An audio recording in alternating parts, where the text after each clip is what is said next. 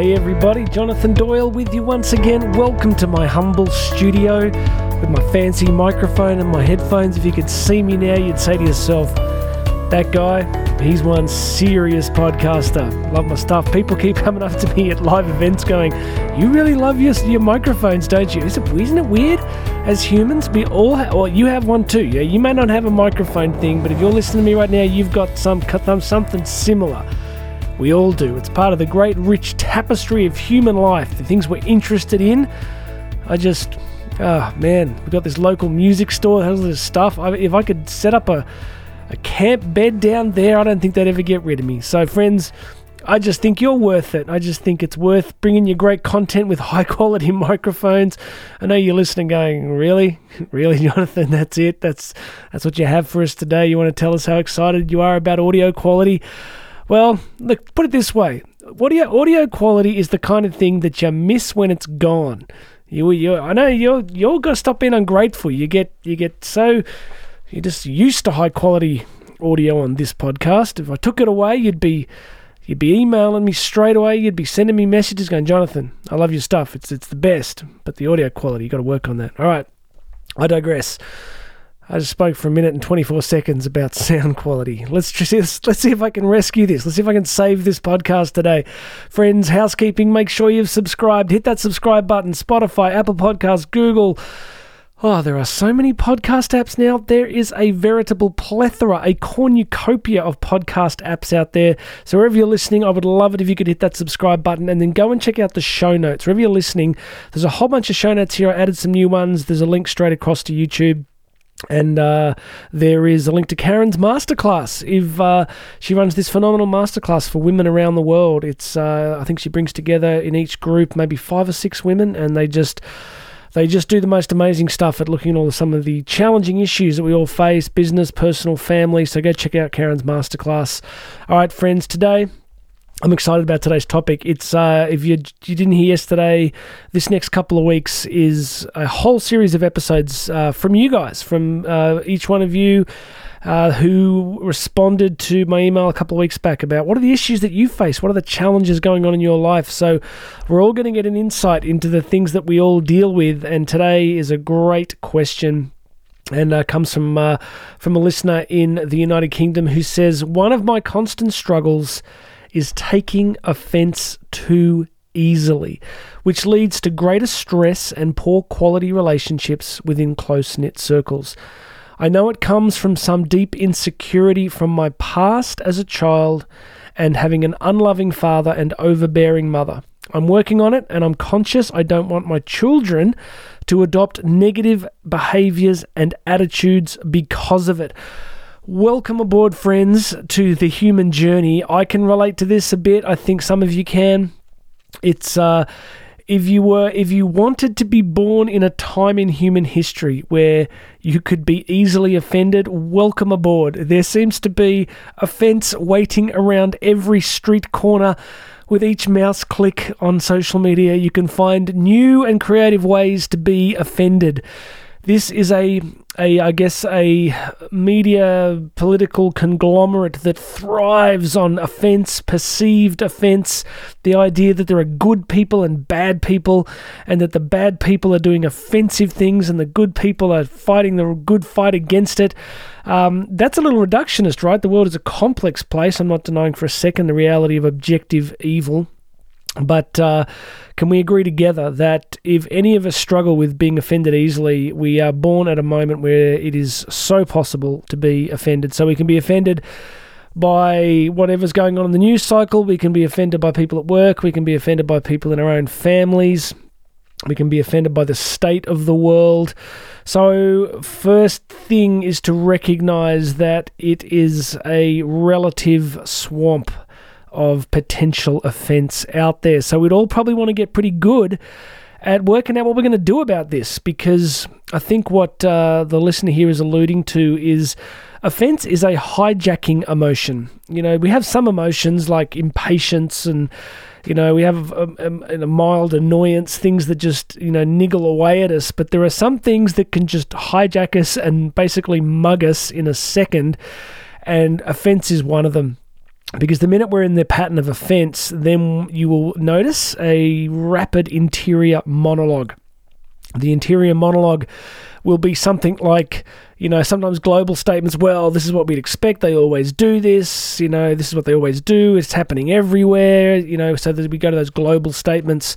So it's a hijacking emotion. It, it really can take us over quickly and do a great deal of damage. So, what do we do? I got a couple of initial thoughts, then I want to go a little bit deeper. The just on this topic of the ubiquity of offense, the sheer volume of it floating around us. I'm always coming back to Stephen Covey's great work in The Seven Habits of Highly Effective People, where he talked about the difference between the circle of interest and the circle of concern and sort of the circle of control. You know, there's the things that we're interested in in life, there's the things that we're sort of concerned about in life, and then there's things that we can control in life.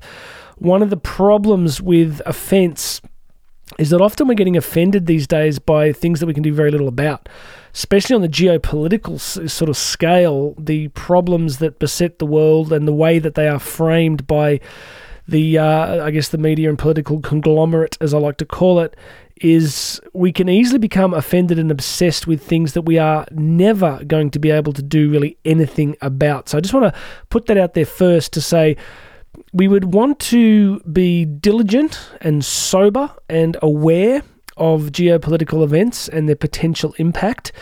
But um, we also need to realize that spending enormous amounts of emotional, psychological, and intellectual energy on things out there in the world that we can't do a great deal about is not particularly good for our health and not particularly good for our relationships.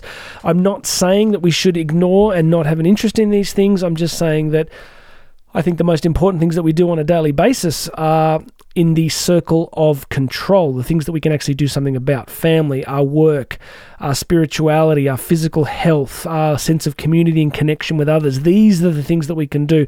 And sometimes being hijacked by offense and things out there beyond us is not a particularly great use of the beautiful resources and reserves that we carry. Now, what else did I write about this? Um, this, I want to give you some practical things about what we can actually do when we notice offense taking place. And maybe that's the first step, right? Is to notice, to go, you know, my friend here in this message has talked about, uh, I know it comes, this is their quote, I know it comes from some deep insecurity from my past as a child and having an unloving father and an overbearing mother. Now, let me talk about that for a second. So, as somebody who has come from a very challenging background, and without uh, going into detail on this podcast, I, you know, of somebody who has dealt has dealt with a lot of trauma and difficulty, and has had to do an enormous amount of work on myself to uh, to get where I am today. And many of you can relate to that story too, because you've done something similar.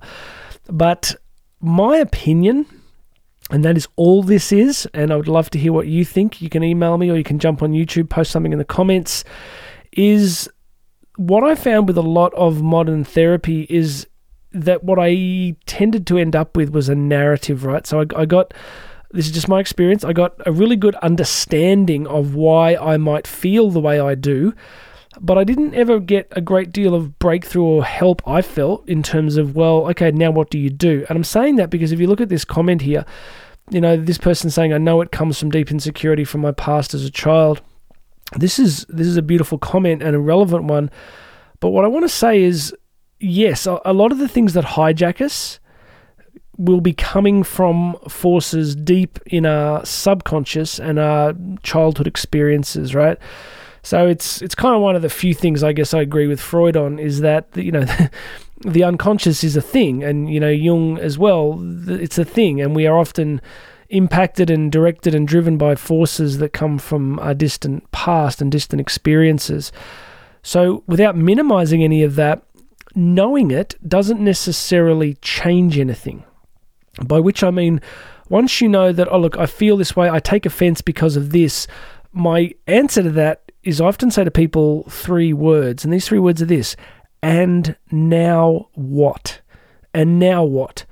See, once you once you understand that you might be responding because of X, what do we do with that? Well, I think the first thing to do is to begin to develop a bit of groundedness to as the offence narrative plays out. Now, some of you are listening going, oh, Jonathan, this is not really for me. I don't really get offended that much.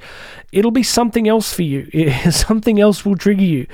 And what I'm saying for all of us is that we need to get really good at noticing, oh, oh, I'm running that pattern. I'm running that pattern. Someone said this, someone cut me off in traffic, someone offended me, someone did this. Now I'm going to run this pattern. So we've got to get really good at going, hang on, hang on, hang on, hang on, I'm running the pattern. Capture yourself in the act of running the pattern and just notice that you're doing it. That's the first thing. You know, I got to be honest, I you know, I, I remember doing some personality indicators and in terms of neurotic belief systems, my score was higher than the average. I mean, I'm just being honest with you, friends. So I noticed that I can quite easily get myself caught up in a dialogue sometimes, you know, that that's less balanced than what some of you would make. So I've had to get better at noticing my capacity to respond to stimuli in a particular way because of where I came from and the experiences that I've had. So all I'm saying to all of you and to my friend here is once you notice you're being mugged, once you notice that you're being neurally hijacked by an emotion or an emotional response, just just notice it, right? Just just ground yourself at that point. Go, oh, okay, I'm being offended. Now, I might be offended because I was rejected by my parents and I didn't feel I was loved unconditionally. And people, when people overlook me, it triggers that experience. Maybe all completely true. Just begin by noticing it. The next practical thing I say to people is, um, is this about you or about them? So when someone's causing offense, just go, hang on is this about? Am I oversensitive to this? Is what would a, what would another person looking at this from the outside think? And you might even want to ask somebody. Like if you've been offended, you know, if, if there was somebody else who was present, you could ask them. You could literally later on say, "Hey, look, was this? What did you think about this? Was am I overreacting here?" Try and get some feedback to try and validate or or you know, I guess test your hypothesis about what's actually happening because sometimes we're so close to things that we can't do that part really well. So we want to go, is this about me? And how I'm responding, or is it about them? Maybe they're just obnoxious. Maybe they're really awful people. Maybe they just had a bad day. You know, sometimes people have really bad days and they cause offense because they're exhausted or their kid, their baby cried all night or, you know, they got a flat tire. Who knows? So we want to get those parts right. We want to go, is, uh, you know, and I guess related to this is, is it a one off, right? Or is this a pattern? If you're in a work context or a family context, is this person triggering you regularly? You know, are, are other people triggering triggering you in a similar environment? Like, you want to try to delineate what belongs to the other people, what belongs to the circumstance, what else might be going on. You know, I spoke last week to a, to a large group, and I remember talking about another story from Stephen Covey's book where he this is a true story. He was on a train one day uh, in in New York, and he's on this train, and there's this man there, and this man's got six children. They're all pretty young, and these kids are just going feral. They're like, you know, swinging off the bars and yelling and screaming, and they're unrestrained. And this man's just sitting there staring blankly into the distance. And Stephen Covey finds himself getting really angry. He's like getting really angry, going, you know. So his narrative starts right. So Stephen Covey's getting getting mugged, getting neurally hijacked by his belief system, which was what? Well, his belief system was people should control their children, people should behave a certain way in the environment, people shouldn't do this, parents should be better.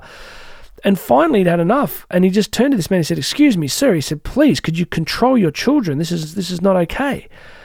And the man kind of looked up at him, and he was sort of looking really glazed. And he said, "Look, I'm so sorry." He said, "We've just come from a hospital in the city. Their mother died this morning, right?" It's true story. And Covey was just like it was. A, she was just the most confronting thing because he had ascribed all this meaning to the circumstance, which was just completely incorrect. Now, I don't want to say that's every circumstance because sometimes people are just being obnoxious. Sometimes people are being offensive. So we want to find out what's going on. Like, you know, we want to get those parts right. So is it about you? Is it about them? What else did I write here? Um, when you are dealing with offense, here's a useful question. Ask yourself this What will nursing this create in my life? What will nursing this create in my life? Here's what I think it will probably create um, it will create sleeplessness, it will create bitterness, it will create resentment, it will create you'll overreact at other things. So, offense is one of the things we want to deal with pretty quickly because if we hold on to it, it's going to create other outcomes in our lives. You know, somebody cuts you off in traffic, yeah, you're offended, but you move on pretty quick, you get on with your day, right? Eventually, we hope. But if there's somebody close to you that is causing offense or you're experiencing offense in relationship to them, ask yourself if I don't address this, if this stays the same, what is this going to create in my life? All right, next thing. What would I rather be experiencing? This is a great reframing question. Is like when you find yourself really offended, just go, hang on. Yeah, because because when you're offended, you're like you're totally attuned to it. You're like you're feeling it. You're aware of it. It's present. It's in your reality. It's causing this big interior monologue to kick off. But I often like to say, ask yourself a question what would I rather be experiencing right now? What would I rather be experiencing? Now, this isn't to deny the reality of what's happening. You're not going, well, I'm just going to ignore it and I'm going to just be, it's like Pollyanna, I'm just going to look at rainbows and unicorns. It's not that. It's like basically going, okay, this is not what I want for my life. I'm not going to take the bait. I'm not going down the rabbit hole. What would I rather be experiencing? Okay, now what you'd rather be experiencing will depend on the particular relationship. If it's someone you care about, then then there's going to be a reason why you'll want to come to this next step in a moment, which is doing something about it. But if it's somebody who you just like, whatever, uh, you know, you're not a big part of my life, I don't know who you are, I don't see you very often, I'm just going to move on. Some things we can let go, right? Some things we can let go because we want to experience life as often as possible in a more abundant, peaceful, pleasant kind of way. What else did I write here? The last thing, you guys should be so proud of me today. Not only are you getting high quality microphones, you're getting note taking as well. Um, the last thing here is to say is the relationship important enough that I need to speak up. We want to uh, we want to do some triage here. We want to say to ourselves, look, this offense is a problem because I care about this person. I see them regularly. They're part of my circle. I need to get this addressed. And then what you need is the virtue of courage. You need to care about yourself enough, and you need to care about the relationship enough, and you need to care about them enough to, in the appropriate way, consult the offense. Just to go, you know, we need to talk, we need to have a conversation, and sometimes going to be really hard. It can be really confronting, really scary because, you know, but these honest conversations can really move relationships to a whole new level.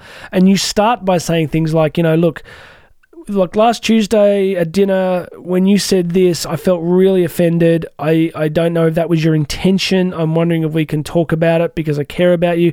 And if you're listening, going, no one talks like that. No, you can. You actually can talk like that. You can say, look, man, uh, you know, I really care about you, and and I felt really upset, and I felt it was very disrespectful, and we want to do this. But I want to talk to you about it, right? So you have to weigh up: is the relationship valuable enough? So, you know, of people that I'm close to and people that are, are important in my life, then these these are investments worth making. And I guess the other thing behind this question is I don't know how to express this you know, we got to hold all this pretty lightly. I, I don't expect government organizations, hierarchies to make me happy. I really don't. I mean, I I've, i have very very strong libertarian leanings, right? Um, I, I, I kind of feel that one of the ways to get offended in life at the moment is to expect institutions, government to be operating at this, you know, angelic standard and to treat me well all the time. I just know it's not going to happen. So I, one of the ways to beat offence is going to sound crazy if I say it this way is to have pretty low expectations, right, of certain groups. Uh, and I don't want to be defeatist here. I'm just saying see things for what they are. See for, see the moment in history for where we are. Um, and what's that old saying? Fool me once, shame on you, fool me twice, shame on me, right? If, if you get offended by a bureaucracy or an institution um, over and over and over and over again because you think it's going to change, is is probably you know we, a little bit of realism here, a little bit of you know what this is this is a beautiful world, but there's brokenness in it, and no one's going to make me completely happy, and definitely no institution or hierarchy or bureaucracy is going to meet all my needs. So we want to have that that kind of healthy, uh, you know, this is a motivational podcast. I don't, I don't know how else to say it, but a, a healthy realism, not a healthy pessimism, I guess, about whether or not certain groups and people can make us happy. And look, the last thing which I meant to say at the start is there is a book written by the American pastor John Bevere, and if any of you find yourself that offense is problematic, um, his book is really interesting. It's called The Bait of Satan. The Bait of Satan. And I haven't read it, but I, I know John Bevere does a lot of good stuff. And it's one of those books that I didn't read it because I got the premise immediately. And the premise of the book, and I do recommend getting it if, if offense is a challenge for you, is is if you were the devil, like what is one of the best strategies you could come up with to create chaos in human relationships? And it's offense because offense is can often be so silent. It, we just harbor it, we just feed on it, we just keep going with it. So this offense just keeps rolling, and so that's why it's the bait of Satan. It's like the, you take the bait and it just keeps growing, right? And just chaos and bad stuff keeps flowing from it. So maybe check out that book. And look, I know some of you could be listening, thinking, "Hang on, Jonathan, this is all good, this is practical, I get it." But you know, what about if we've been really hurt? What if people have done genuinely bad things to us? I have had several listeners reach out, which we will discuss in the upcoming episodes, around just that topic about being genuinely hurt and being offended. Look, I think that's a process to work through. I think forgiveness is ultimately a superpower. One of the greatest ways to set yourself free in life and to free others is to arrive at a place of forgiveness, and it can be done. Um, Karen was in Sydney a couple of days ago and she caught up with uh, the lady who, you know, my overseas listeners may not be aware of this, but there was a family who their kids were just out uh, walking to the local store to get an ice cream and they were hit by a driver on drugs. And, uh, you know, this family lost three little children from their own family immediately. Um, and this is the Abdallah family. And their, their witness of um, forgiveness is just extraordinary. And, but you know what? Their journey of forgiveness has also included acknowledging the truth of the loss and the the darkness and the evil and the suffering of it. So what I'm getting at is on this topic of offense and suffering and wrongdoing, we can get to forgiveness. It doesn't mean it's an easy journey, but it's a journey that tends to bring about extraordinary beauty and empowerment and encouragement. So do what you can reasonably do, but a life lived in offense is a life half lived. We are going to get offended. We're going to rub up against each other. You know, we're going to rub up against people. You know, I, my, my thesis of life is that I don't think that there's a lot of genuinely evil people in the world. I definitely think there are some. And I take uh, Scott Peck, the psychotherapist's definition of evil, uh, as a good one, which is what he called the people of the lie. He, he used to say that genuine evil uh, is what he calls people of the lie, which is people who who are doing things that are genuinely, genuinely harmful, and they're doing them on purpose, but they have no sense that it's wrong. Those people, you know, whether that's sociopathy or psychopathy, they're, they're relatively rare. For the, rest of us are just kind of human, and we get tired, and we have baggage, and we have hurts from the past, and we rub up against each other, and we're going to cause offense. It's going to happen. So, um, you know, unless uh, unless one of my listeners is a a one day or two day old baby, uh, live long enough, friends, you're going to get offended. And you're going to get offended probably tomorrow and maybe next week. And if it isn't a real person, it'll be something on the news. So, my, my heart for you is that you develop this um, graciousness, that you develop this ability to assume the best about people, that you develop the ability to be assertive and strong when you need to be and to have challenging conversations when you need to be. But my prayer for you is that you do not let this bait of Satan run your life because that's what he wants and that's not what I want for you and that's not what you want for yourself. So there's a lot in that today. Uh, summary be grounded, recognize when you're being hijacked by your belief system around offense or anything else for that matter. Um, ask yourself good questions about what's actually happening, and then ask yourself about the value of the relationship. Is it worth having difficult, honest conversations about to move you both forward? All right, friends, God bless you. Uh, please make sure you subscribe, share this with some friends. Um, you know, send this to everybody you know. You'll probably offend a couple of people and it'll give them a chance to practice. All right, that's brilliant. Gosh, I should start my own show. All right, God bless you, everybody. Check out those links. You can book me to speak. I'm back on the circuit. You can get private coaching with me. Go check out Karen's masterclass in the show notes. But that's it for today. Tomorrow, let me just check the schedule. What are we talking about tomorrow? Ooh, tomorrow we're going to talk about judgment. Um, judgment of ourselves, judgment of others. That's on tomorrow's show. So I look forward to talking to you then. God bless everybody. My name is Jonathan Doyle. This has been the Daily Podcast, and you and I are going to talk again tomorrow.